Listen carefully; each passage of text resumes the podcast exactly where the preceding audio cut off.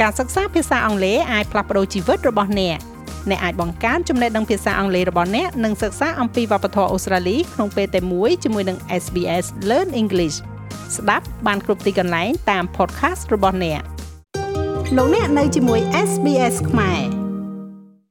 សិភៅគោលការណ៍ណែនាំស្ដីពីសុខភាពនិងសวัสดิភាពនៅការដ្ឋានសំណង់ដែលសហការរៀបចំដោយក្រសួងរៀបចំដែនដីនគររូបនីយកម្មនិងសំណង់និងស្ថានទូតអូស្ត្រាលីប្រចាំកម្ពុជាត្រូវបានរៀបចំរួចរាល់ហើយ។ ពិធីប្រគល់និងទទួលសិភៅគោលការណ៍ណែនាំស្ដីពីសុខភាពនិងសុវត្ថិភាពនៅការដ្ឋានសំណង់បានធ្វើឡើងកាលពីព្រឹកថ្ងៃទី24ខែឧសភាក្រោមវត្តមានលោកឧបញ្ញរដ្ឋមន្ត្រីជាសភារារដ្ឋមន្ត្រីក្រសួងរៀបចំដែនដីនគររូបនីយកម្មនិងសំណង់និងលោកប៉ាប់ឡូកង់ឯកអគ្គរដ្ឋទូតអូស្ត្រាលីប្រចាំកម្ពុជា ក្នុងពិធីនៅទីស្តីការក្រសួងរៀបចំដែនដីនគររូបនីយកម្មនិងសំណង់ក្រសួងបានប្រកាសថាសិភៅគួរការណែនាំស្តីពីសុខភាពនិងសวัสดิភាពនៅការដ្ឋានសំណង់ដែលរៀបចំឡើងដោយមានការគ្រប់គ្រងពីស្ថានទូតអូស្ត្រាលីប្រចាំនៅកម្ពុជា គឺជាគោលការណ៍ណែនាំបំពេញបន្ថែមនៅវិធានការច្បាប់និងលិខិតបទកថាគតិយុត្តនានាមានភាពចាំបាច់សម្រាប់ផ្សព្វផ្សាយដល់កម្មករនិយោជិត ក្រុមហ៊ុនសិក្សាគម្រោងប្លង់ក្រុមហ៊ុនសាងសង់និងអ្នកពាក់ព័ន្ធការងារសាងសង់ដើម្បីបញ្ជាគ្រោះថ្នាក់ផ្សេងផ្សេងដែលអាចកើតមានជាយថាហេតុនៅតាមការដ្ឋានសំណង់និងដែលអាចបង្កផលប៉ះពាល់ដល់សុខភាពអាយុជីវិតនិងផែនការនៃគម្រោងសាងសង់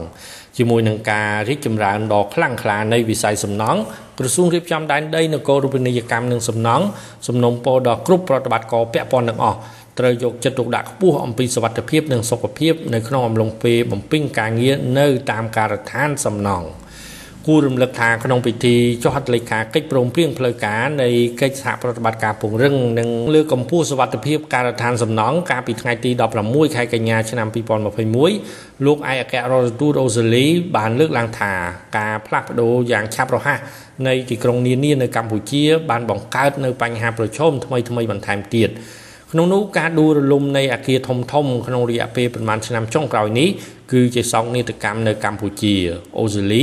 មានភាពចាំបាច់ក្នុងការឆ្លើយតបយ៉ាងឆាប់រហ័សនិងប្រកបដោយប្រសិទ្ធភាពទៅកាន់ការស្នើសុំរបស់រាជរដ្ឋាភិបាលកម្ពុជាក្នុងការគ្រប់គ្រងការធ្វើឲ្យប្រសើរឡើងនៅសវត្ថិភាពរបស់កម្មករសំណង់ក្រុមគ្រួសាររបស់ពួកគេនិងសាធារណជន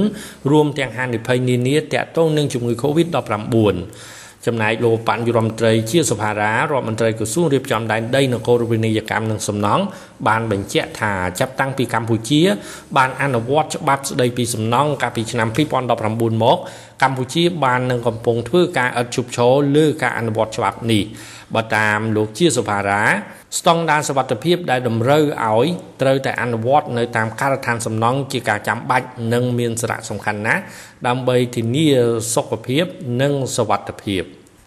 ខ្ញុំម៉េងផល្លា SBS ខ្មែររាយការណ៍ពីរាជធានីភ្នំពេញ ង់ស្ដាប់រឿងក្រៅបែបនេះបន្ថែមទៀតទេ ស្ដាប់នៅលើ Apple Podcast Google Podcast Spotify ឬកម្មវិធីដទៃទៀតដែលលោកអ្នកមាន។